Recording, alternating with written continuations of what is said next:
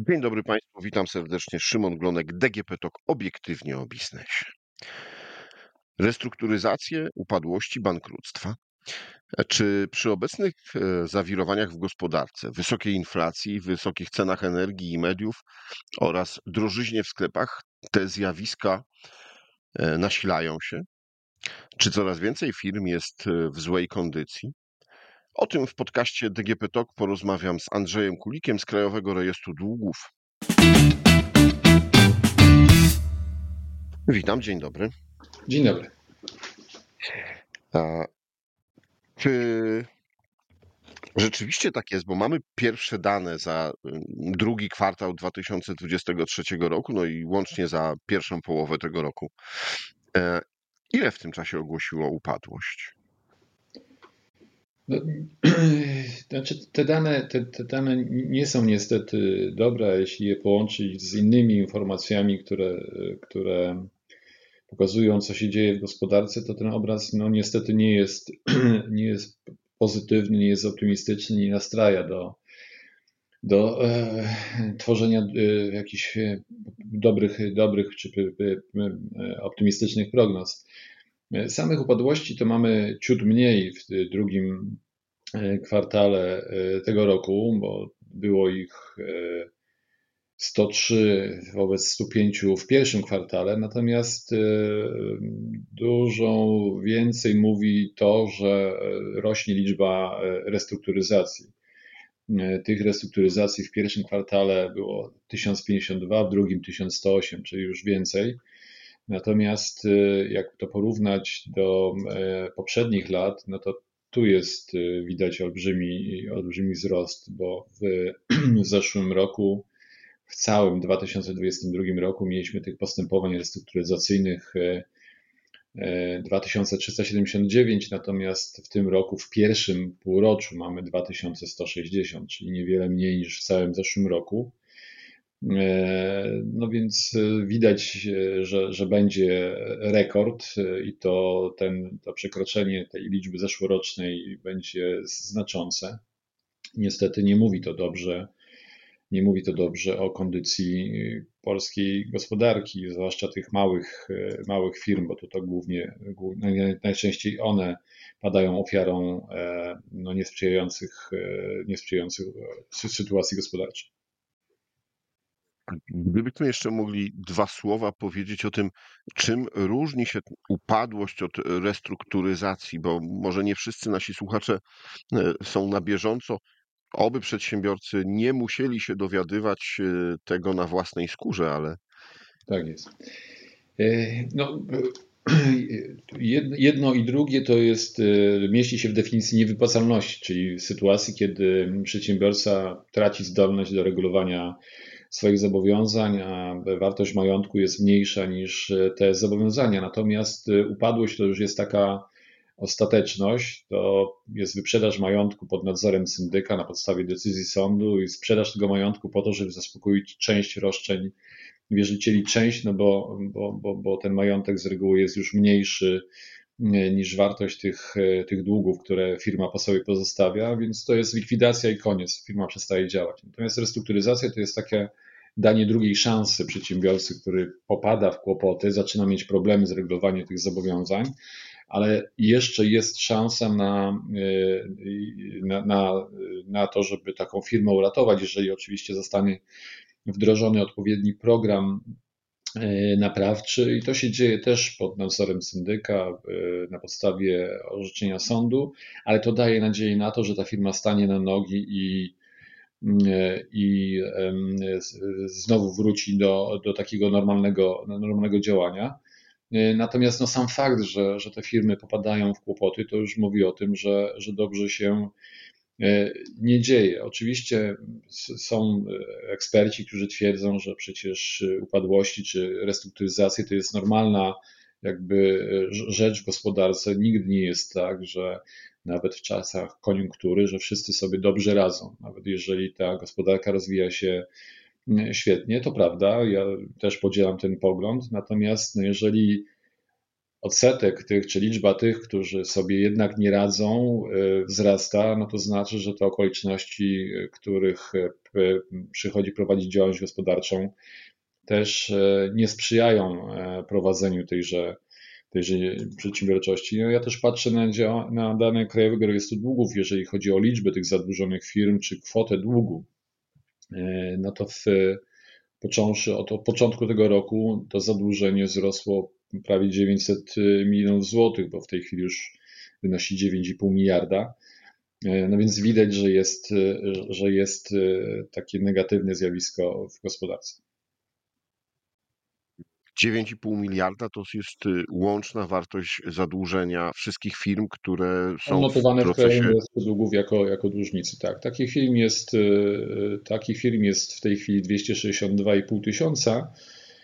I co zaskakujące, no to, zaskakujące, no bo ta liczba tych dłużników niewiele się zmniejszyła, bo na początku roku było ich nieco ponad 263 tysiące, natomiast dług przyrósł o prawie 900 milionów złotych, no to oznacza, że e, te problemy e, dłużników się po, po, po, pogłębiają.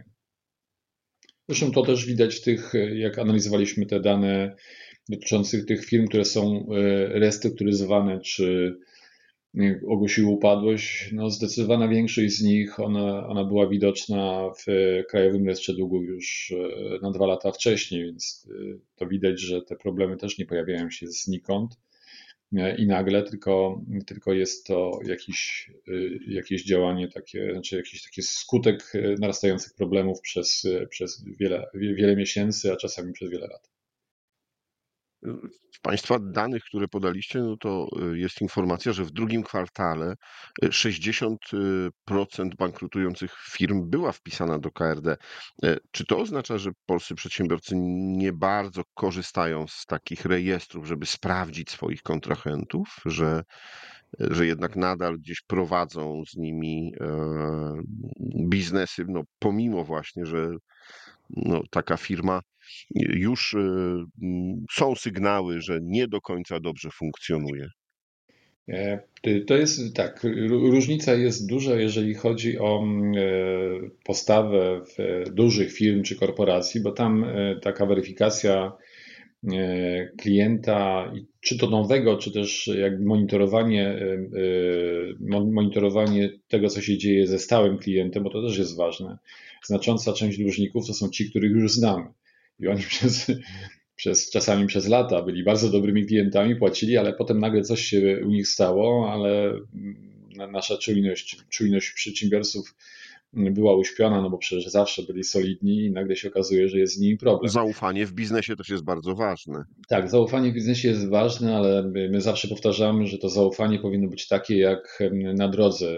Jak siadam za kierownicę, no to wręcz e, kodeks mówi o tym e, drogowy, że należy stosować zasadę ograniczonego zaufania, czyli niekoniecznie muszę przyjmować e, założenie, że każdy kierowca, który jedzie z naprzeciwka, to jest albo pod wpływem alkoholu czy narkotyków, albo pirat, który będzie, będzie wyprzedzał w miejscu niedozwolonym i, i, i, musi się ze mną zderzyć.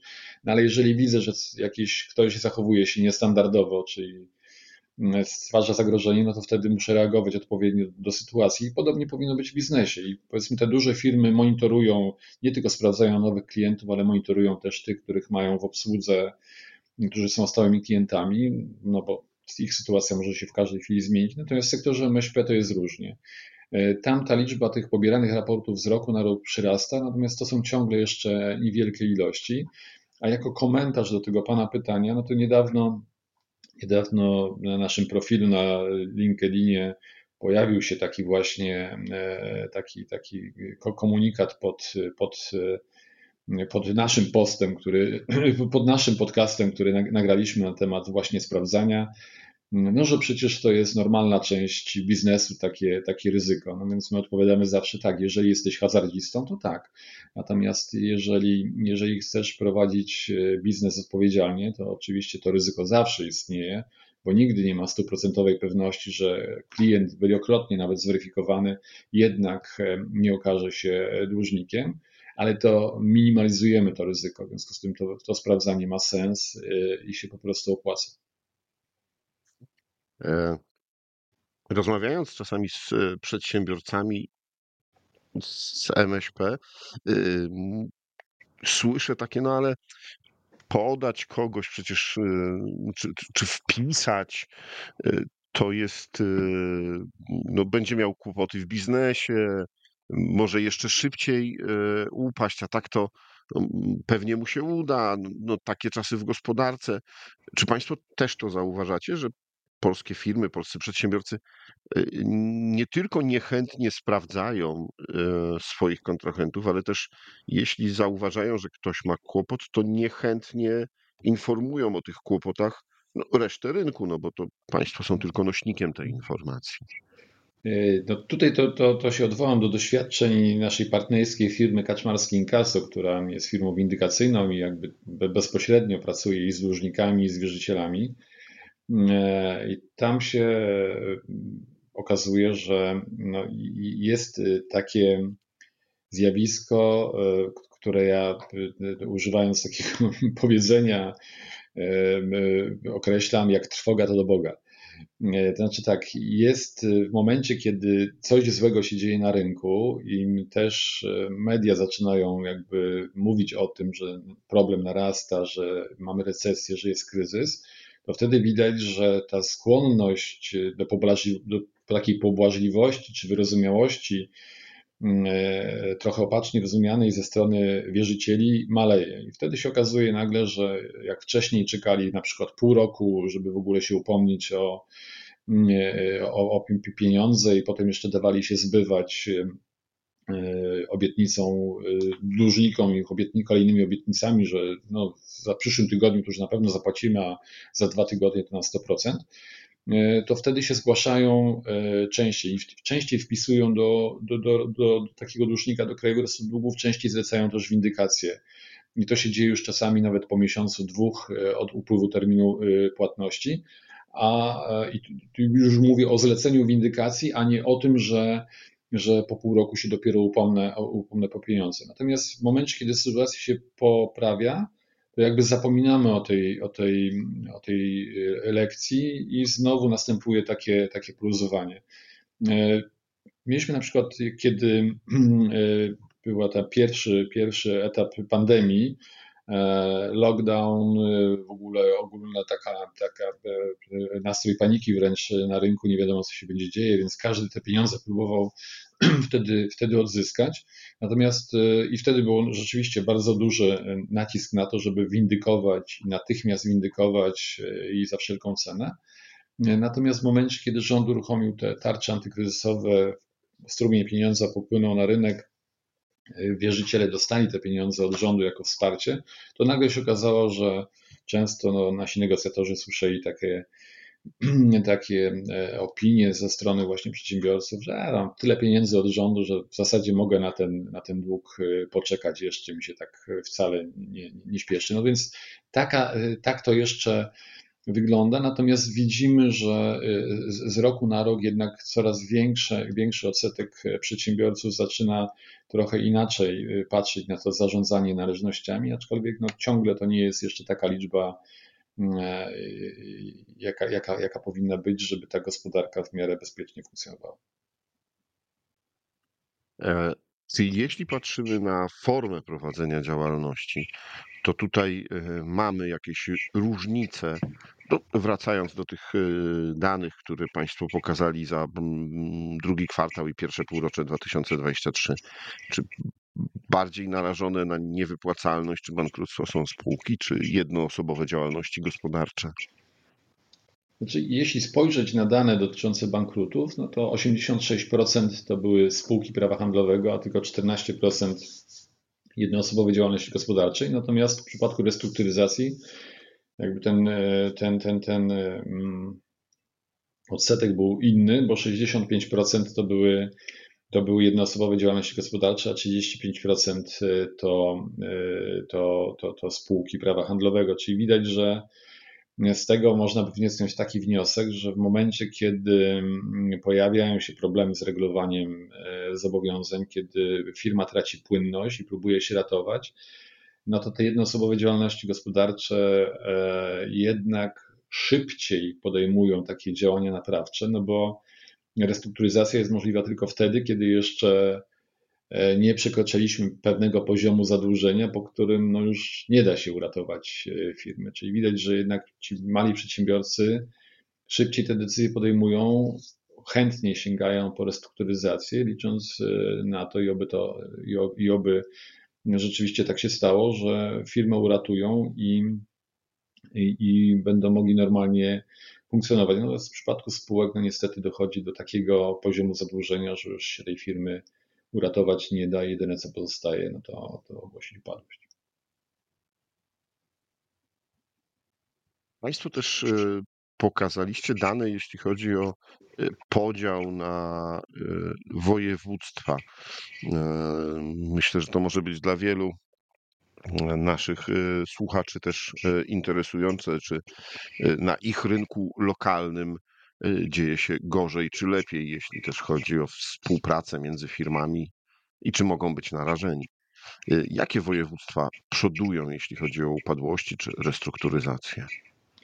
Znaczy, tutaj akurat są najczęściej to, to zawsze w tych, w tych, w tych rankingach dłużników, zadłużenia, upadłości, restrukturyzacji no, dominują przede wszystkim e, województwo mało, e, mazowieckie i śląskie, ale to wynika raczej z, przede wszystkim z tego e, potencjału tych dwóch województw. To są dwa najludniejsze województwa, dwa województwa, w których jest też najwięcej podmiotów gospodarczych, firm, przedsiębiorstw, które, które działają. W związku z tym no, to dość oczywiste, że tam tych, tych dłużników będzie najwięcej, ale no już drugie miejsce, jeżeli chodzi o upadłości województwa pomorskiego, to już trochę jest zaskakujące, tak? Natomiast na trzecim miejscu warmińsko-mazurskie i małopolskie, więc e, to też pokazuje, że nawet te województwa, no, gdzie nie należałoby się spodziewać aż takiego dużego odsetka upadłości, no też, też trafiają na, na, do, tego, do, tego, do tego rankingu. Czyli można powiedzieć, że poza tymi, które no w sposób e, e, ten naturalny, o którym Pan powiedział na samym początku, że e, no, w biznesie ryzyko, że się nie uda i firma upadnie, no jest wpisana w jakiś sposób w działalność, no to województwa, w których raczej aż tylu firm nie było, więc to ryzyko można powiedzieć, że było troszkę mniejsze. No jednak też mają wysoki e, udział.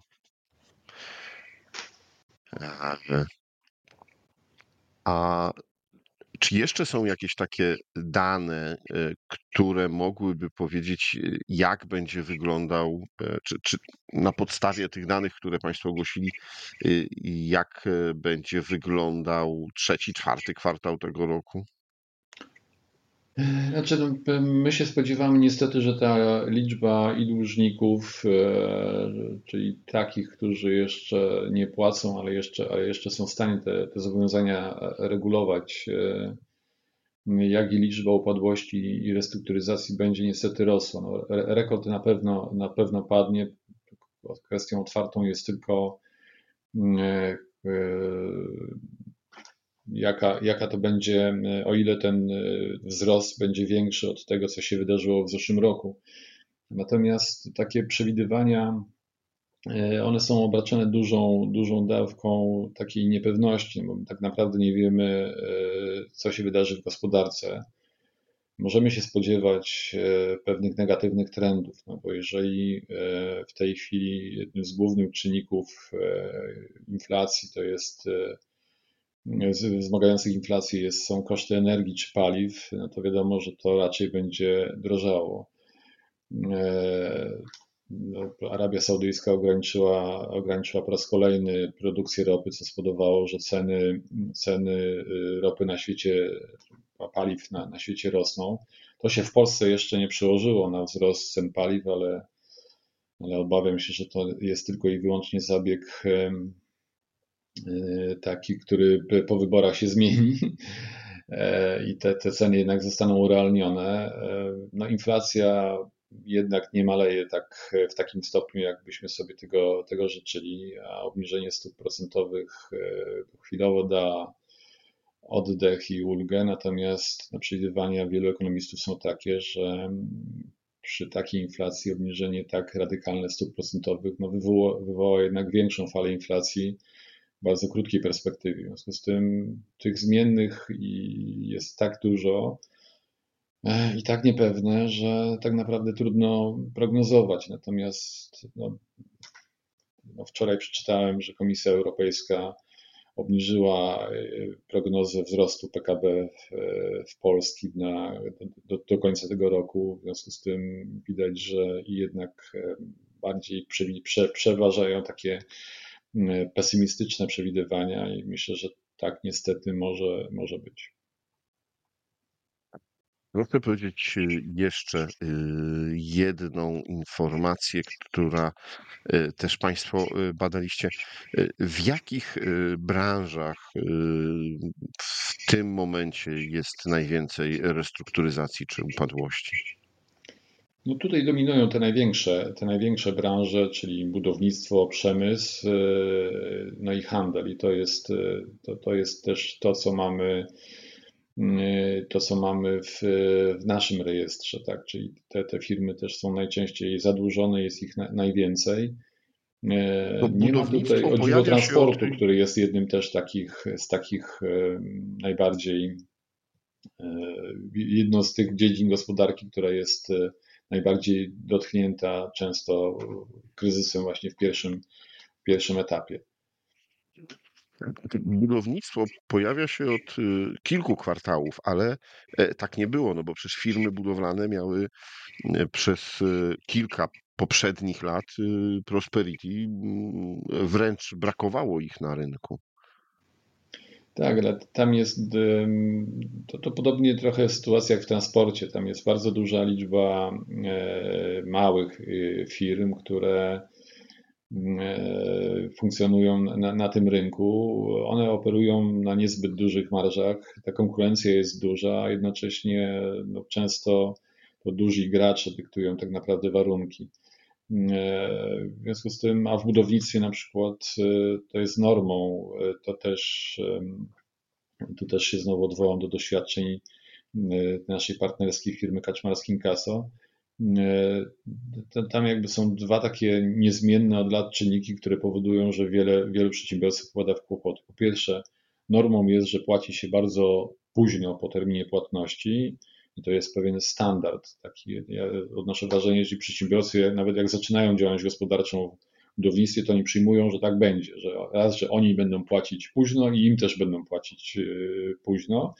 Dwa, e, wiele umów nie jest spisywanych e, na nie jest spisywanych, a jeżeli nawet są spisywane, to one są bardzo nieprecyzyjne. W związku z tym to rodzi też taką pokusę u części wierzycieli niezbyt uczciwych do tego, żeby potem podważać tę jakość tej wykonanej pracy i traktować to jako pretekst do do niepłacenia, ponieważ umowa jest nieprecyzyjna, a często nawet wiele rzeczy jest, e, mówiąc kolokwialnie, dogadywanych tak e, w trakcie, w trakcie realizacji tych umów, no to to powoduje, to powoduje te, te, te problemy. Niezależnie od tego, czy jest koniunktura, czy nie, no to te firmy popadają, te, te, te, drobne, małe popadają, popadają w kłopoty i trafiają potem, czy to E, do Krajowego Rejestru Długów, czy to e, składają potem wnioski o ogłoszenie restrukturyzacji czy upadłości.